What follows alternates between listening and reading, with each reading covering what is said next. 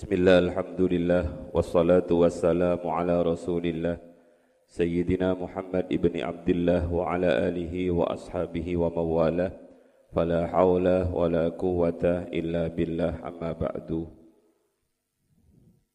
Faqad qala ta'ala fi kitabihil aziz A'udhu billahi minasyaitanir rajim Laqad ja'akum rasulun min anfusikum azizun alaihi ma anittum harisun alaikum bil mu'minina raufur rahim. Fa in tawallaw fakul hasbiyallahu la ilaha illahu alaihi tawakkaltu wa huwa rabbul arsyil azim. Bersyukur kita kepada Allah Subhanahu wa taala karena malam ini kita didudukkan oleh Allah di rumahnya yang suci kita didudukkan oleh Allah di majlis yang sangat dimuliakan Allah. Majlis yang sangat dibanggakan oleh baginda Rasulullah sallallahu alaihi wasallam. Majlis di mana kita bersolawat kepada Rasulullah sallallahu alaihi wasallam dengan harapan mudah-mudahan beliau berkenan hadir ke tempat kita. Mudah-mudahan beliau berkenan hadir ke tempat yang amat sangat sederhana ini dan mudah-mudahan kita semua yang duduk di sini, kedua orang tua kita, seluruh yang menyaksikan ini betul-betul diakui sebagai pecinta baginda Rasulullah, betul-betul diakui sebagai pengikut baginda Rasulullah sallallahu alaihi wasallam. Insyaallah setiap malam kita akan membaca Maulid Simtud Duror Abah dapat ijazah dari beberapa habib guru-guru Abah bahwa Simtud Duror itu harus dibaca lengkap. Karenanya karena waktu maka Simtud Duror tetap kita baca lengkap.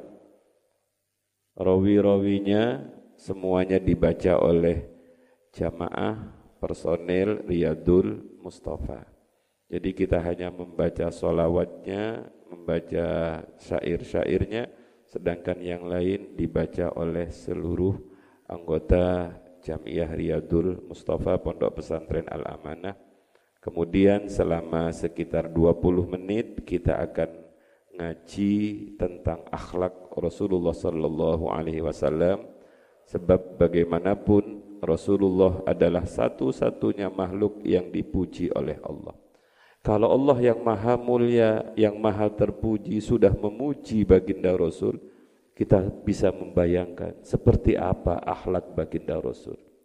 Allah dawuh wa innaka la'ala khuluqin atim. Sungguh engkau Muhammad berada di atas akhlak yang sangat agung. Allah yang maha agung, Allah yang maha mulia, Allah yang kemuliaannya amat sangat tidak terbatas itu memuji kemuliaan akhlak baginda Rasul. Karenanya dalam waktu yang singkat kita akan melihat, mencontoh entah semampu kita. Kalau kita bisa mencontoh satu persen, kita contoh satu persen. Kalau kita bisa mencontoh dua persen, tiga persen, lima persen, lima puluh persen, sekuat kita, kita akan meniru baginda Rasulullah. Sebab Rasulullah dawuh, innama bu'ithu liutammima makarimal akhlak. Bagaimana kita bisa mencontoh akhlak baginda Rasul kalau kita tidak dibacakan tentang sejarah akhlak Rasulullah.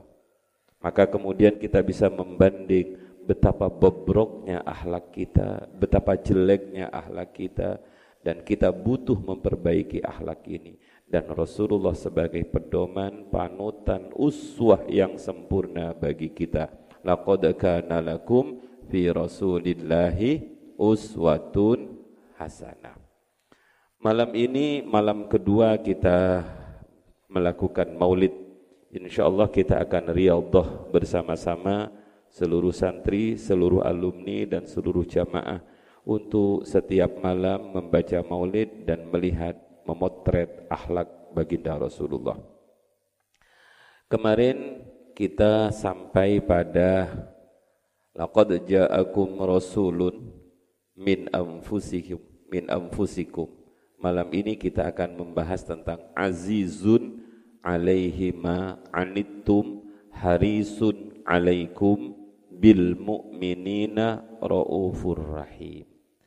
Bismillahirrahmanirrahim. Sifat Rasulullah selanjutnya adalah azizun alaihi anittum. Kalau terjemahannya bahasa Indonesia itu adalah azizun alaihi anittum. Berat terasa olehnya oleh baginda Rasul penderitaan kalian. Bahasa sederhananya Rasulullah adalah pribadi yang merasakan penderitaan umatnya. Sehingga Rasulullah akan merasa paling tersakiti ketika umatnya tersakiti. Allah adalah uh, Rasulullah adalah pribadi yang bahasa Jawanya orang mentoloan, gak kuatan kalau melihat umatnya menderita. Karenanya Nabi Muhammad sallallahu alaihi wasallam dalam hadis yang agak panjang, saya potong hadisnya, dawuh beliau begini. Bu'istu bil hanafiyyati samhati. Bu'istu diutus sapa ingsun bil hanifiyati dengan membawa agama yang hanifiyah Hanifah muslimah. Agama yang hanifiyah itu adalah agama yang lurus. Agama yang benar. Asam hati penuh dengan toleransi. Agama Islam adalah agama yang lurus. Inna dina indallahil Islam. Wa man yabtaghi ghairal islami dinan falan yuqbala min wa huwa fil akhirati minal khasirin. Agama Islam itu adalah agama yang sudah terakhir penyempurna dari agama-agama sebelumnya. Maka agama Islam adalah agama penyempurna, agama yang lurus. Tapi karakter agama Islam itu anak-anakku punya karakter samha. Samha itu toleran.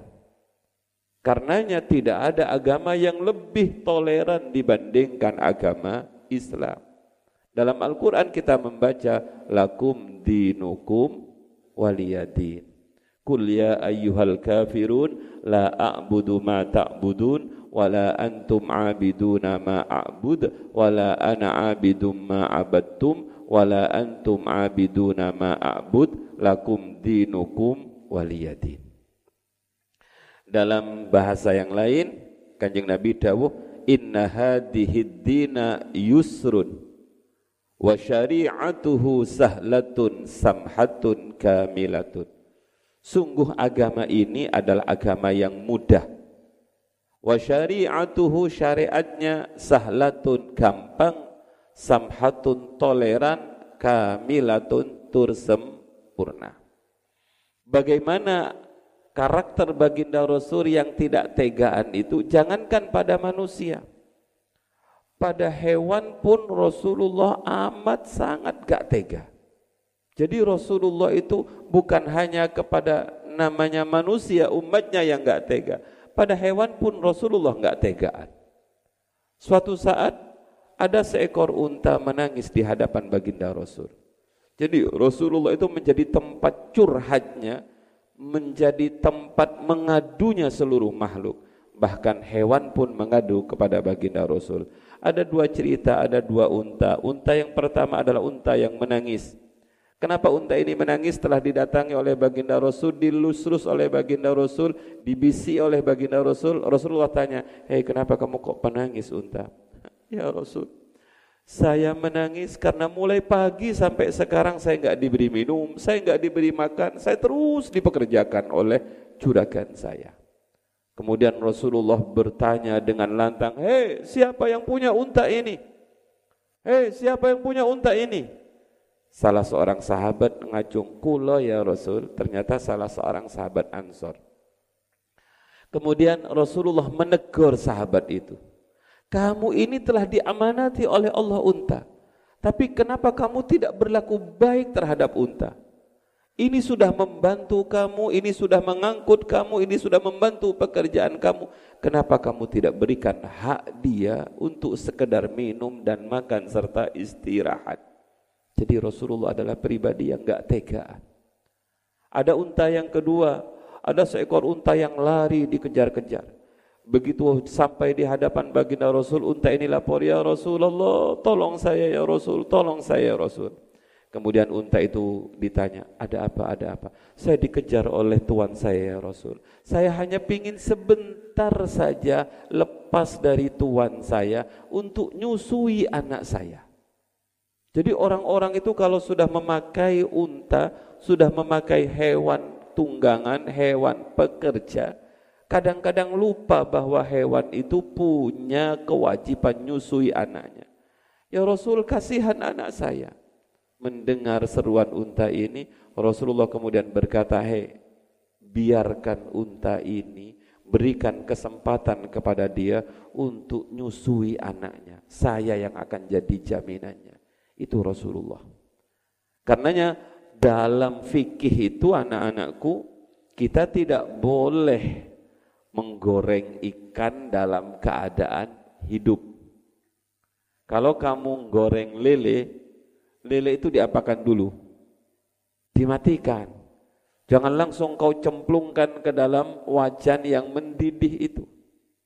Makanya dalam sebuah hadis baginda Rasulullah sallallahu alaihi wasallam dawuh anna Rasulullah sallallahu alaihi wasallam qaal Inna Allah katabal ihsan ala kulli syai'in.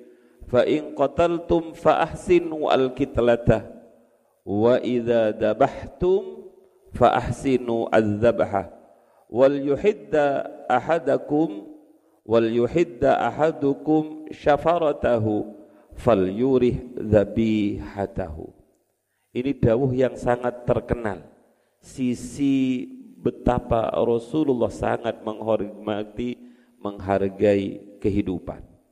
Kata kanjeng Nabi, sesungguhnya Allah mewajibkan kepada kita semua, kepada segulu sesuatu untuk berbuat baik.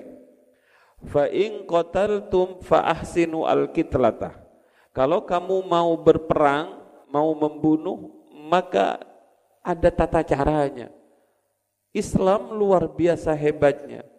Islam menghargai nyawa. Dalam peperangan Rasulullah melarang seseorang membunuh wanita. Dalam peperangan Rasulullah melarang seorang membunuh orang yang sudah tua. Dalam peperangan Rasulullah melarang para tentaranya untuk membunuh anak kecil. Ada etikanya. Kemudian Rasulullah dawuh, "Wa idza dabahtum fa ahsinu adz-dzabha." Kalau kamu mau menyembelih hewan sembelihanmu, maka perbaguslah cara menyembelih kamu. Bagaimana cara menyembelih yang bagus itu? Rasulullah melanjutkan dawuhnya wal yuhidda ahadukum safaratahu. Hendaklah kalian apa ya? menajamkan melandepkan bahasa kalian itu. Apa? Bahasanya begini-gini apa namanya? Diasah. Bahasa Jawanya apa? Di apa? Diungkel. Diungkel ya. Diungkel. Pertajam pedangmu, pertajam pisaumu kalau kamu hendak menyembelih. Pengalaman kemarin saya kan baru latihan menyembelih. Cak Wahyu dan yang lain-lain itu wow, pedangnya disembelih. Saya yang nyembelih bismillahirrahmanirrahim. Pertama lancar. Ternyata pisau pedang itu kalau sudah disembelihkan kepada kambing untuk sembelihan kedua itu sudah agak tumpul.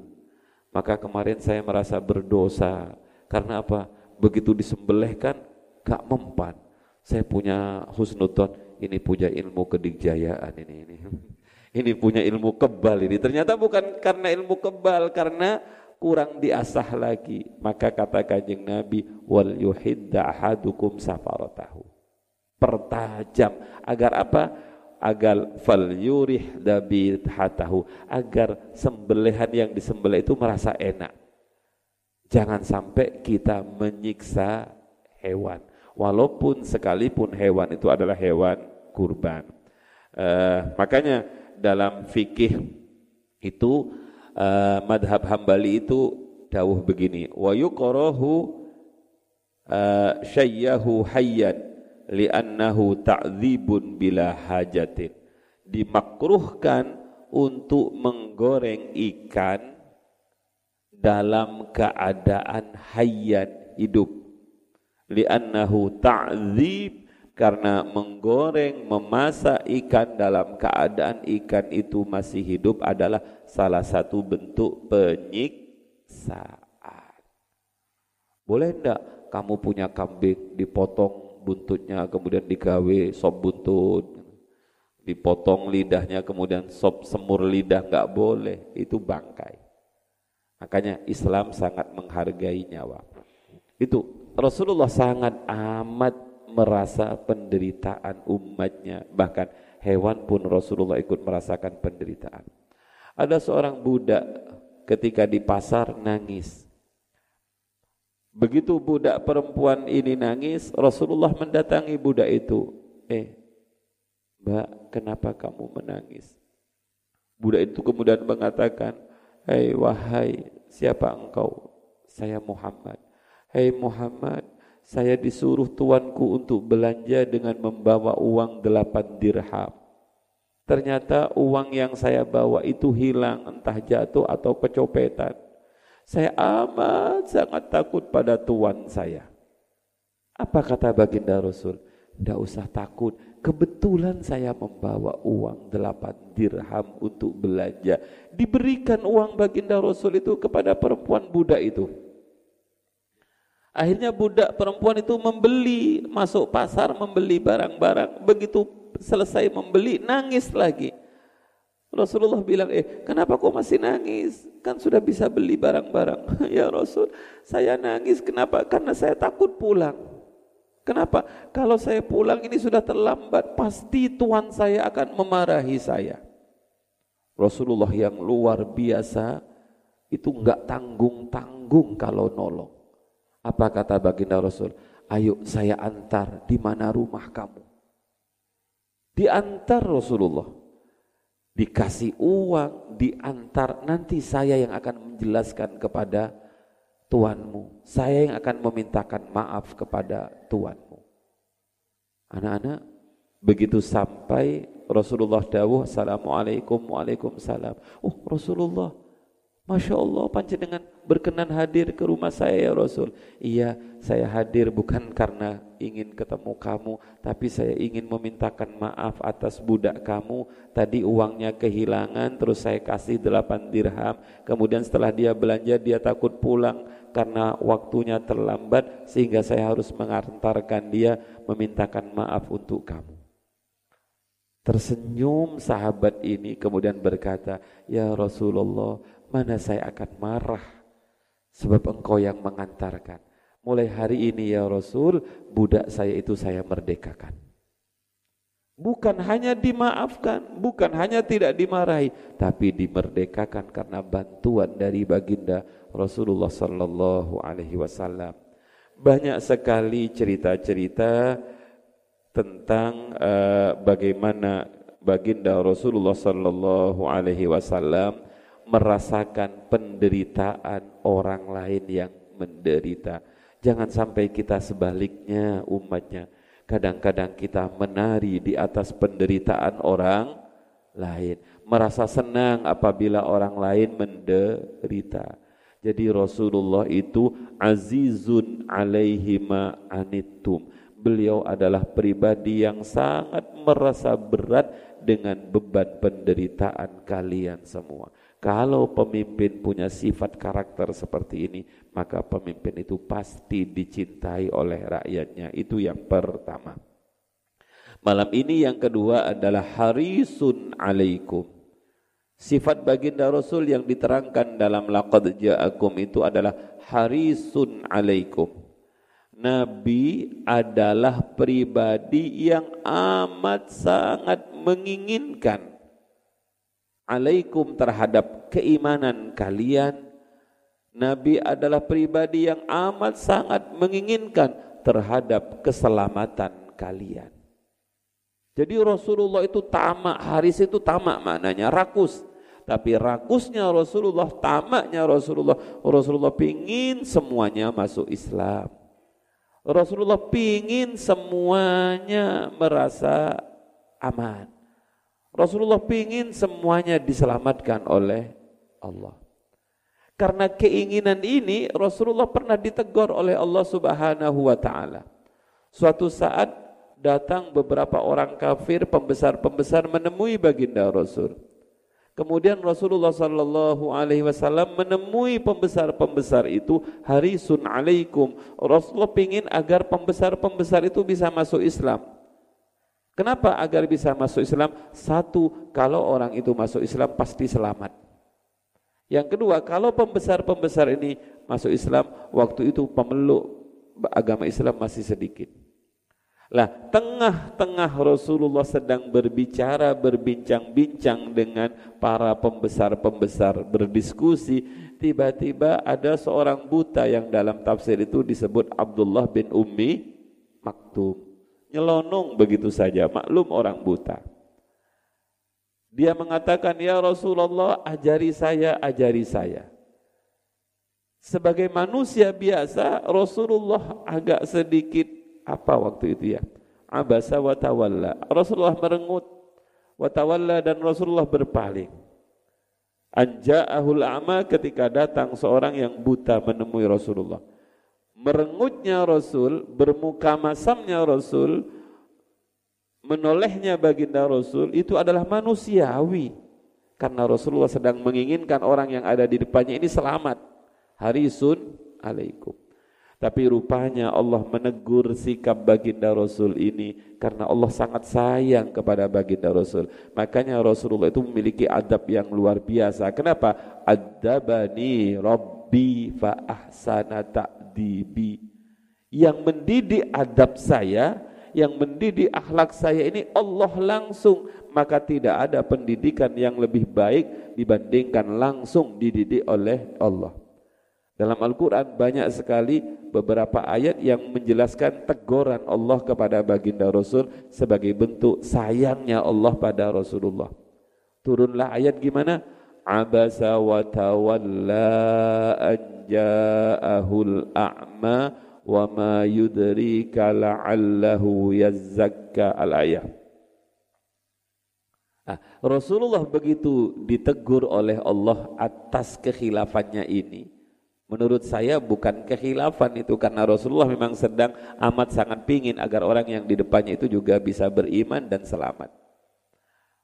Rasulullah tidak marah, Rasulullah tidak kecewa, Rasulullah tidak dendam kepada Abdullah bin Umi Maktum. Bahkan Rasulullah sangat memuliakan Abdullah bin Umi Maktum. Setiap Abdullah bin Umi Maktum rawuh, Rasulullah mengambil selendangnya, serbanya digelar, kemudian biar diinjak oleh Abdullah bin Umi Maktum.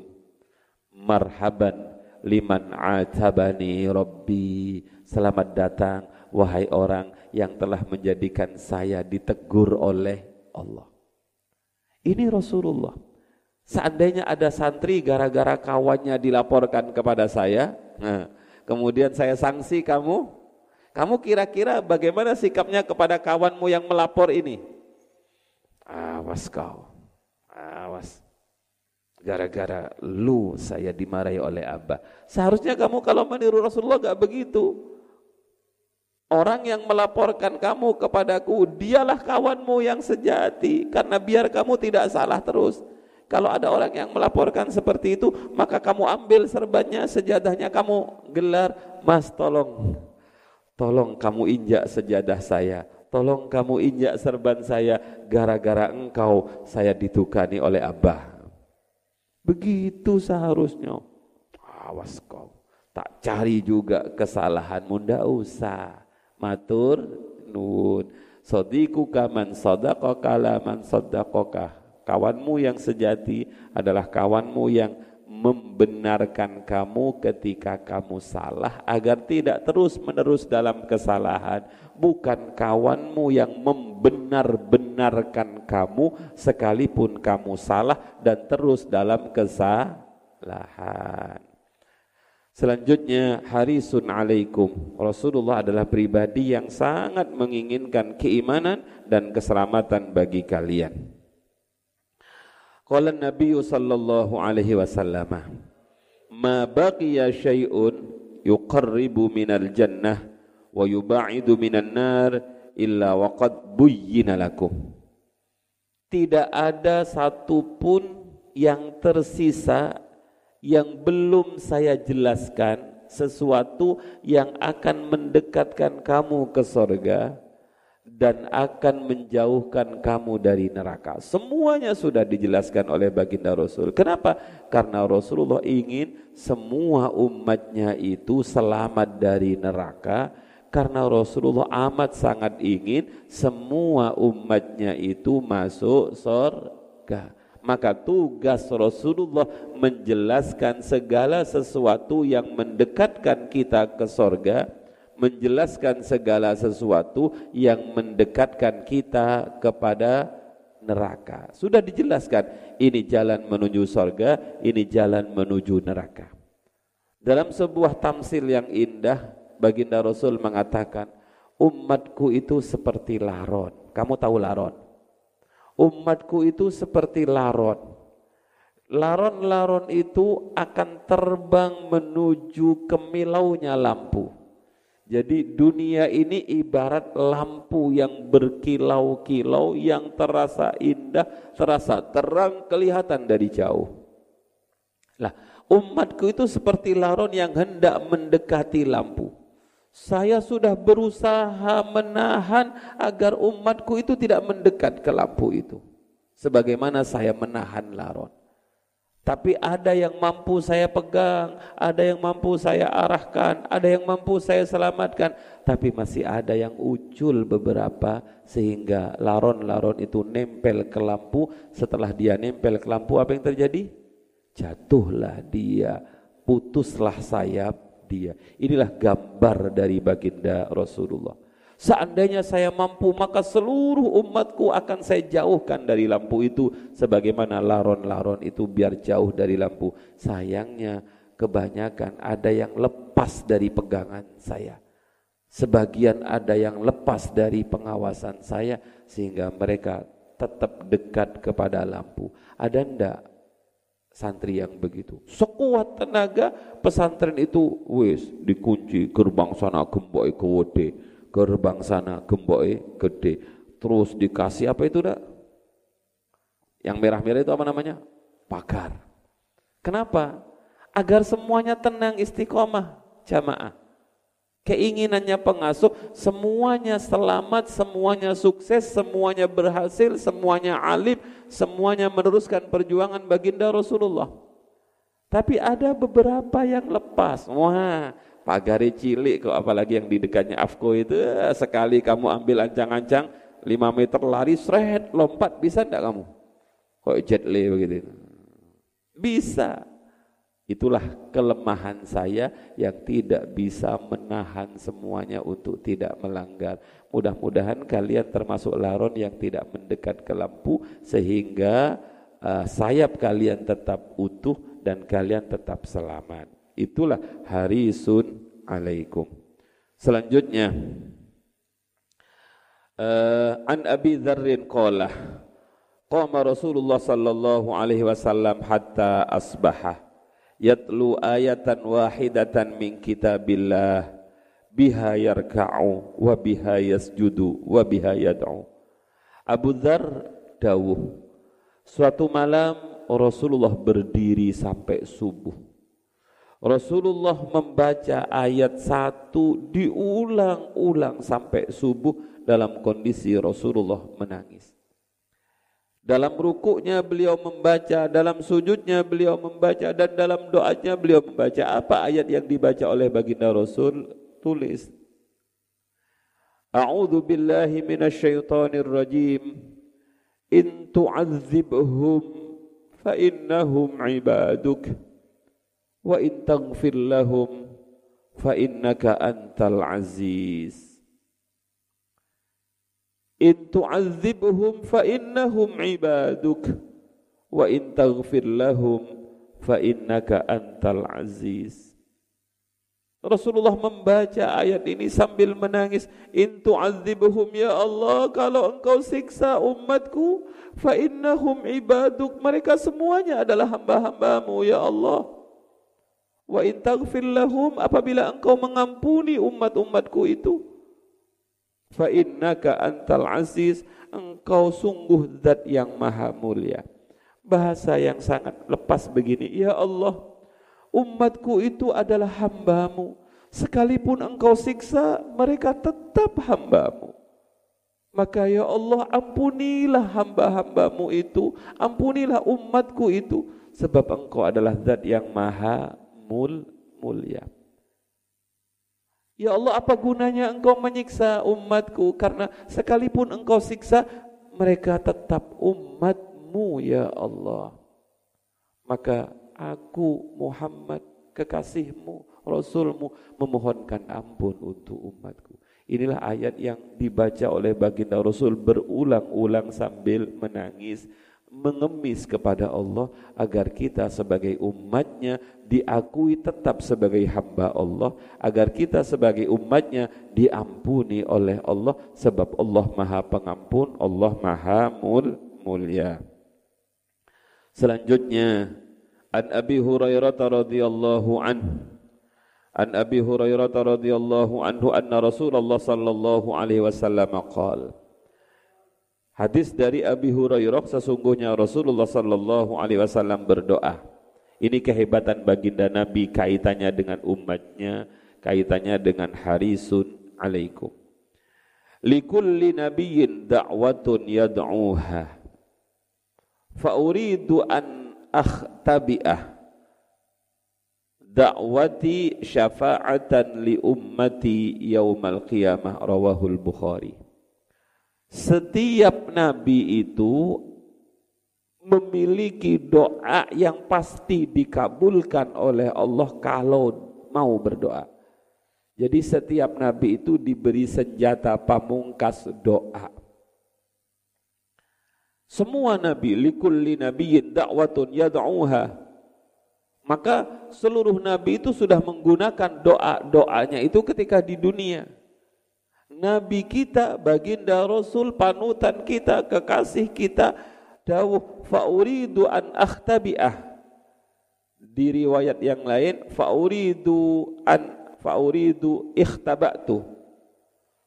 Saya menginginkan menyamarkan, menyimpan doa itu tidak saya gunakan di dunia. An akhtabi adawati syafa'atan li ummati. Karena doa mustajabah itu akan saya gunakan kelak pada hari kiamat untuk memintakan ampun terhadap umatku. Jadi jatah doa mustajabahnya baginda Rasul tidak dipakai di dunia, tapi beliau simpan agar aku gunakan kelak di akhirat. Yauma la yanfa'u malun wala banun illa man atallaha biqalbin salim. Maka anak-anakku dalam kitab eh, tauhid itu kita bisa membaca bagaimana ketika Rasulullah memberikan syafaat yang di, yang disebut dengan syafaatul udmah ketika para nabi-nabi mulai Nabi Mbah Adam sampai semua nabi tidak bisa memberikan pertolongan hanya Rasulullah yang bisa memberikan syafaat. Mudah-mudahan kita termasuk orang-orang yang mendapatkan syafaat baginda Rasul. Mari kita berdoa ya Allah orang tua kami mbah-mbah kami guru-guru kami adalah hamba-hambamu. In tu'adzibhum fa innahum ibaduk. Kalau engkau akan menyiksa leluhur-leluhur kami guru-guru kami saudara-saudara kami yang telah mendahului kami dengan iman mereka tetap hambamu ya Allah. Wa in taghfir lahum fa innaka antal aziz antal karim. Kalau engkau mau mengampuni mereka engkau adalah zat yang maha mulia engkau adalah zat yang maha bijaksana. Tolong ampuni kedua orang tua kami ya Rob. Tolong ampuni mbah-mbah kami ya Rob. Tolong ampuni guru-guru kami ya Allah Rob. Tolong ampuni seluruh saudara-saudara kami ya Allah ya Rob. Ikhwanina alladhina sabakuna bil iman wa la taj'al fi qulubina ghillan lil ladzina amanu. Rabbana innaka raufur rahim. Besok kita akan membaca sifat Rasulullah yang terakhir bil mu'minina raufun rahim